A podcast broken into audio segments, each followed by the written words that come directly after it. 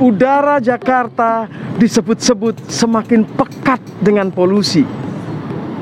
Banyak pihak mulai meminta dengan serius pemerintah untuk segera beraksi membersihkan udara di ibu kota Republik ini.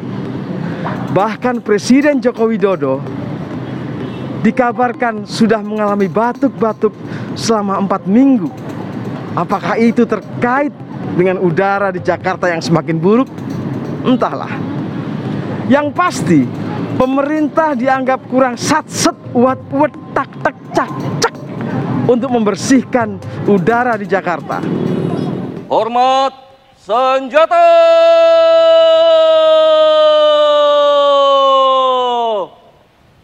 Gerak!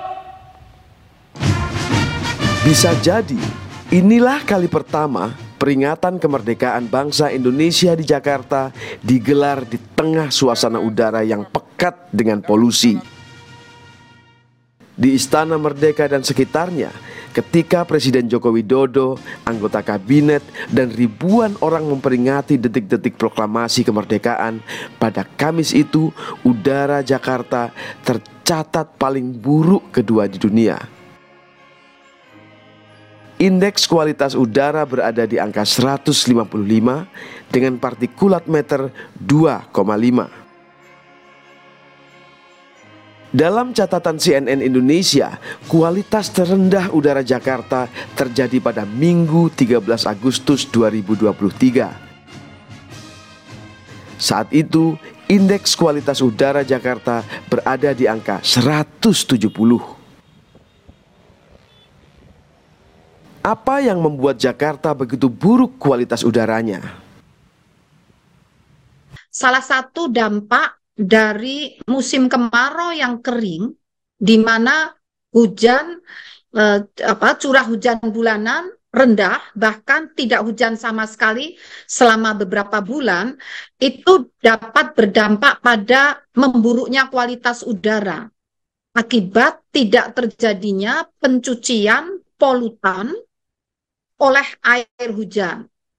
Dan karena kejadiannya itu beberapa hari bahkan beberapa minggu di beberapa wilayah sampai beberapa bulan, polutan itu akan terkumulasi dan diperparah dengan dari hasil observasi kami, angin saat ini itu kalem, terutama di eh, DKI.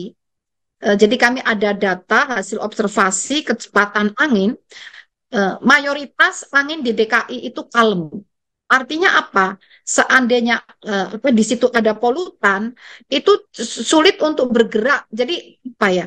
Ngendon lama di situ sudah nggak tercuci oleh hujan, juga tidak tertiup oleh angin.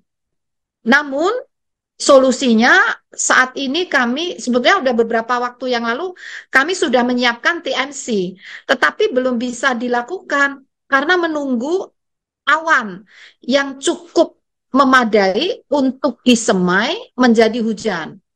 Nah, ini uh, insya Allah persiapan kami ini uh, memprediksi kira-kira uh, tanggal 19 2021 ini akan uh, ada awan-awan hujan meskipun jumlahnya masih minim akan kami optimalkan untuk disemai agar turun sebagai hujan agar bisa mencuci. Tapi ya ini mohon doa ya karena sebetulnya batas apa ya ketersediaan jadi uh, apa itu kelembapannya sebetulnya masih kurang. Harusnya kan 70 kelembapannya 70 kelembapan ini awan-awan ini kan 70% ke atas. Nah, yang kami deteksi ini kira-kira nanti tanggal 19 itu masih 50 sampai 70%. Jadi Peneliti Center for Research on Energy and Clean Air atau CREA, Catherine Hasan menilai sumber polusi udara sangat beragam. Perlu adanya upaya dari semua pihak untuk berperang melawan kondisi ini. Polusi udara itu sumbernya beragam. Hmm. Uh, intinya mungkin paling utama itu dari aktivitas manusia pembakaran bahan bakar. Hmm. Jadi mungkin ada sektor transportasi, hmm. sektor industri, termasuk um, pembangkit listrik. Kita semua pakai listrik. Um, tentu tidak bisa hidup tanpa tanpa jaringan listrik. Iya. Um, ada yang lain juga kebakaran, pembakaran um, open air, pembakaran bebas, uh, penanggulangan sampah misalnya. Jadi sumber itu banyak, um, Pak Iman. Tapi Ada di sekitar Jakarta ya. Ya, ada di di Jakarta, di sekitar Jakarta juga. Ya, mungkin su- kita sering kita sendiri tahu ke macet di Jakarta cukup macet, cukup padat. Jadi transportasi itu kontributor utama. Uh, Dari sisi kami, kami lakukan riset penggunaan energi di sektor industri dan pembangkit listrik. Itu em, arahan dari kami perlu diperhatikan kontribusi di- dari luar Jakarta, misalnya dari radius 100 km gitu. Himbauan pemerintah untuk misalnya 4 in 1 di mobil, kemudian menggunakan eh, transportasi umum, ya kan? Itu menurut Mbak Catherine pas atau perlu apalagi yang harus di apa namanya dorong untuk membersihkan udara? Dibilang pas ya itu itu eh, tindakan itu eh, reaksi terhadap em, problem ini sangat baik. Tentu kita senang eh, pemerintah langsung eh, cepat tanggap. Tapi misalnya tadi em, emisi dari sektor industri atau mungkin pembangkit, apakah ada mungkin konsiderasi untuk mengetatkan? Eh, polusi-polusi yang dikeluarkan pabrik-pabrik di Jakarta dan sekitar Jakarta itu itu harus terus diawasi, dihitung gitu ya, Mbak ya? Seharusnya begitu dan menurut saya publik juga eh, dapat merasa aman ya, dapat dapat te- teryakinkan oh benar regulasi yang sudah ada itu berjalan dengan baik dan pemerintah memperhatikan dan seandainya ada polusi tinggi seperti ini ada penanggulangan langsung gitu. Misalnya ada action plan atau tindak em, tindakan khusus gitu untuk cepat menanggulangi ini. Adalah persoalan yang sebenarnya bukan sekali ini terjadi. Tahun-tahun sebelumnya dalam catatan Krea gimana? Uh, kita ada data dari 2000 ya uh, grafik dari 2020 sampai 2023. Intinya itu ini seperti siklus uh, Pak Iman. Jadi memang di Indonesia ada dua musim ya, musim kemarau, musim hujan. Nah itu kita bisa lihat agak sedikit naik di musim kemarau. Ya.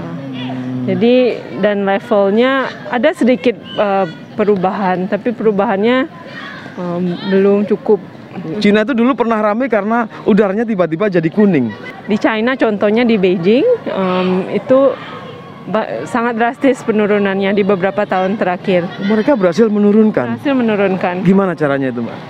Ada aksi nasional, eh, ada ambisi, jadi a- ada target di waktu yang jelas tahun sekian level harus sekian bukan le- bukan hanya level eh, aksi sektoral atau sek- eh, aksi khusus eh, sektor-sektor tertentu tapi menyeluruh. Jadi, Holistik. holistik. Targetnya itu kualitas udara harus sekian em, dan itu saya rasa nggak bisa satu kementerian aja. Semua kementerian harus ikut em, memikirkan bagaimana. Kesehatan masyarakat menjadi hal yang dipertaruhkan bila polusi udara tidak segera diatasi. Direktur Utama Rumah Sakit Persahabatan, Profesor Dr. Dr. Agus Dwi Susanto mengingatkan hal ini. Jadi ada tiga tahap yang mesti diperhatikan masyarakat untuk menghadapi polusi ini ya. Kita melihat dari perspektif masyarakat ya, yang bukan dari perspektif eh, yang lain. Yaitu satu adalah mencegah primer, yang kedua sekunder, yang ketiga tersier. Nah, Yang primer apa? Yang primer adalah mencegah supaya masyarakat ini tidak kena dampak dari polusi itu. Karena kan polusi sudah ada. Ya. Ya, kita bagaimana supaya polusi itu tidak memberi dampak pada kesehatan? Itu adalah aspek primer. Ya. Apa saja yang bisa dilakukan untuk aspek primer ini? Yang pertama adalah sering-sering memantau kualitas udara yang ada di luar ruangan itu. Memantau kualitas Harus udara dipantau kita. Iya. Ya ada berbagai cara lah memantau. Bisa lewat internet, bisa lewat eh, apa informasi-informasi di televisi. Ya. Iya. Nah, ini bisa kita cari ya. Daerah mana yang terpolusi atau tidak. Nah, kalau kita sudah tahu daerah polusi itu, ya dihindari Kita hindari ya kita hindari jalan lain. menghindari betul. lah area lain. Yang kedua, kalau kita melakukan aktivitas di luar ruangan, Hmm. maka usahakan pakai kendaraan tertutup, misalnya mobil, oke, ya, betul. dan menggunakan AC yang recirculate. mobil itu bisa kendaraan umum ya, Heeh. seperti yang disediakan oleh pemerintah bis atau kan MRT ya. Iya. Nah, dan AC-nya resi- resirkulat dari dalam ke dalam. Oh, oke. Nah, Pengolahan terus- yang ini ya. Iya, ya. AC Nah. itu dari dalam ke dalam, jangan dari udara luar diambil karena udara luar kan terpolusi. Iya. Terus jendelanya harus ditutup, ya. Tapi kalau tidak mungkin pakai kendaraan tertutup, ya bisa pakai motor atau sepeda atau jalan kaki, maka wajib pakai masker. Hmm, kayak ini nih. Nah, wajib. Kenapa? Masker itu bisa melindungi Anda dari partikel yang terhirup. Yaitu partikel PM10, PM2,5 yang berbahaya itu bisa dikurangi pakai partikel. Nah, masker itu ada yang mesti dipikirkan. Maka yang paling ideal adalah masker yang bisa memfiltrasi 95% partikel. Olahraga. Olahraga. Masih bisa Masih boleh atau enggak ya? Jadi untuk olahraga itu sangat tergantung pada tiga hal. Satu adalah level dari polutan. Level polutan. Yang kedua adalah eh, waktu atau timing Anda berapa lama berolahraga. Terpaparnya berapa lama ya? Yang ketiga adalah endurance dari jenis olahraganya apa. Kalau Level. kita masih di dalam level yang kuning atau dise- dikatakan tidak sehat, orang masih bisa beraktivitas di luar olahraga itu Ya. paling tidak eh, 30 sampai 60 menit. Tapi kalau masuk kualitasnya yang berbahaya, merah, Yang kayak kemarin itu rame-rame itu kan. maka Anda kalau maupun olahraga itu tidak boleh lebih dari 30 menit, 15 menit saja. Oh. Ya, itu yang jadi sisi makanya ada ada level, yang kedua ada timing, yang ketiga ada jenis olahraganya Jenis apa. olahraga. Jaga stamina tubuh. Hmm, pada diri sendiri. Iya harus Pada selalu. Oh, ya istirahat cukup, makan bergizi, minum cukup, jangan merokok, jangan ber- minum alkohol itu untuk menjaga stamina kita bagus. Kita kan banyak beraktivitas lebih banyak di dalam daripada di luar. Ya, Oleh karena itu pastikan indoor kualitas udara Anda bagus. Nah, yang sekunder apa? Sekunder itu adalah deteksi dini, early detection. Nih, yang Apa itu deteksi tadi. dini? Jadi kalau kita eh, mulai bergejala harus segera melakukan konsultasi. nah begitu ada nggak nyaman kayak gitu, Hmm, batuk-batuk, ini apakah karena polusi atau enggak? Kalau itu se- secepat mungkin anda konsultasikan, secepat Hmm. mungkin bisa ditangani. Medical check up. Jadi kalau anda jangan peker- males-males kalau anda pekerja luar ruangan sering berada di luar ya, Iya. terus ja- jarang pakai uh, masker gara-gara polusi, check up berkali itu penting. Anda kawan nggak ada gejala, tahu-tahu nggak taunya dicek, oh ada asma sudah. Kalau Misalnya dia punya asma, dia punya sakit PPOK, dia punya TBC, dia punya sakit jantung. Nah, kalau dia kena polusi tambah parah. Maka harus menghindari betul polusi ini. Jadi ketika memang betul-betul tidak Baik. sehat, Anda harus pakai masker kalau keluar, pakai kendaraan tertutup, kualitas udara dalam ruangan harus dijaga, terus betul-betul diobati penyakitnya secara maksimal. Ini dengan kondisi semacam ini, kira-kira titik yang paling bisa ditoleransi seperti apa, Prof? Tapi yang terpenting sebenarnya bukan aspek masyarakat, aspek dari pemangku kebijakan. Ya, untuk bisa menjaga kualitas udara itu bisa lebih baik. Ya, karena sumber-sumber polutan itu kan harus dikurangi. Kalau sumber polutannya dikurangi, polutannya turun, dampak kesehatan juga turun. Jadi aspek dari non pemerintah yang lebih penting, pemerintah non masyarakat itu yang lebih penting. Pemerintah harus bisa memastikan kualitas udara itu baik itu aja. Bagi pakar tata kota Universitas Trisakti, Yayat Supriyatna, DKI Jakarta masih punya pilihan-pilihan untuk memperbaiki kondisinya melawan udara berpolusi. Salah satunya merelokasi industri dan menata ulang transportasi. fatalistis, menyerah dengan keadaan, atau melakukan kendali. Kendali pertama sederhana. Kalau sudah polusinya parah, merubahnya itu nggak mungkin. Kecuali satu pembatasan. Pembatasan tuh pembatasan misalnya jam bekerja, mobilitas itu dibatasi. Jadi kalau misalnya dulu ke kantor bisa nggak tidak di kantor work from home itu paling efektif, ya Oke. kan? Atau yang kedua menghimbau naik public transport agak sulit. Karena public transport kita ini tidak begitu banyak diminati karena orang senang naik kendaraan pribadi. Kenapa? Rumahnya makin jauh dari tempat kerja. Kita harus berupaya mampu mengatasi masalah. Jangan kesannya kita mengabaikan masalahnya dan membiarkan berlarut. Kalau itu dibiarkan berlarut, stigma Jakarta kota yang buruk, kota yang penuh polusi akan membuat Jakarta kota yang dihindari para pendatang. Itu menarik model Singapura ya. Saya ngambil tetangga sebelah ya. Kenapa dia merelokasi industri dari kawasan Singapura keluar? Relokasi dia, industri. Ya, dia dan dia menjadikan Singapura itu sebagai kota wisata. Dia berkata kepada para pendatang, Hmm. "Hei, datanglah ke Singapura, saya jamin Anda tidak batuk." Kalau Sesederhana itu ya, ya ya? sederhana, Anda pulang wisata di sini, Anda sehat. Iya, iya, iya. Jangan sampai Anda wisata datang ke kota ini pulangnya, Pulangnya. Anda, anda batuk. Nah, saya sendiri udah batuk. Iya, iya, iya. ya kan? Iya, terus takut. Eh, siap. Tuh kan batu. Ini korban polusi. nih. Pemerintah itu harus berani mengambil keputusan. Jangan terlalu banyak wacana. Sekarang Jakarta menghadapi realitas kota ini sudah parah. Gak apa-apa. Pak, mungkin Bapak bisa sebelah sini. Kita kita lebih Nah, ini udah kalau terlalu ngomong. ini. Ini berarti pemerintah Jakarta lihat nih. Ahli tata kota sampai batuk-batuk. Nah, bentar, bentar ya. Ini mohon maaf nih. Saya sudah seminggu ini karena berada di jalan-jalan terus. Nah, itulah. Belajar dari Cina, Cina berhasil. Kemudian kita melihat apa penyebabnya. Oh, ternyata katanya banyak industri di sekitar eh, Jakarta ini yang cukup banyak menggunakan energi batu bara. Dan Bagi- terbawa angin kan ke sini. Iya, tapi pengusahanya kan aman-aman aja kan. Nggak diminta pertanggungjawabannya. Yang harus berkorban itu adalah warga kita ini.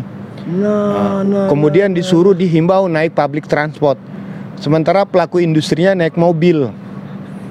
Artinya yang menjadi korban itu tetap kita. Pertanyaannya, ini mau sampai kapan peristiwa ini? Oke, satu.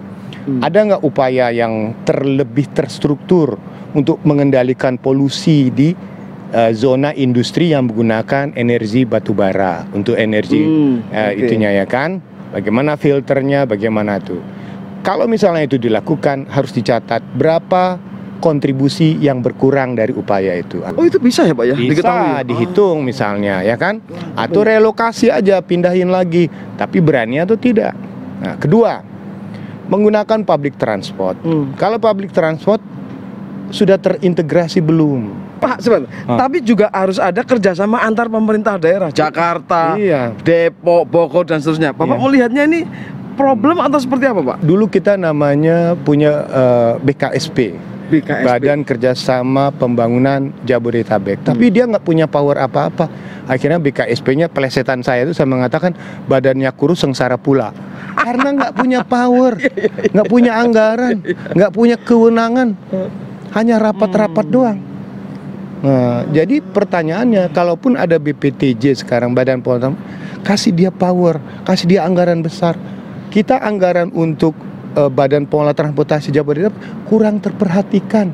Untuk bantu bus-bus yang bagus di daerah pun kurang terperhatikan. Artinya kalau sudah ada solusi, udah masalah seperti ini, anggaran itu harus diperbesar untuk public transport. Jangan sekedar himbauan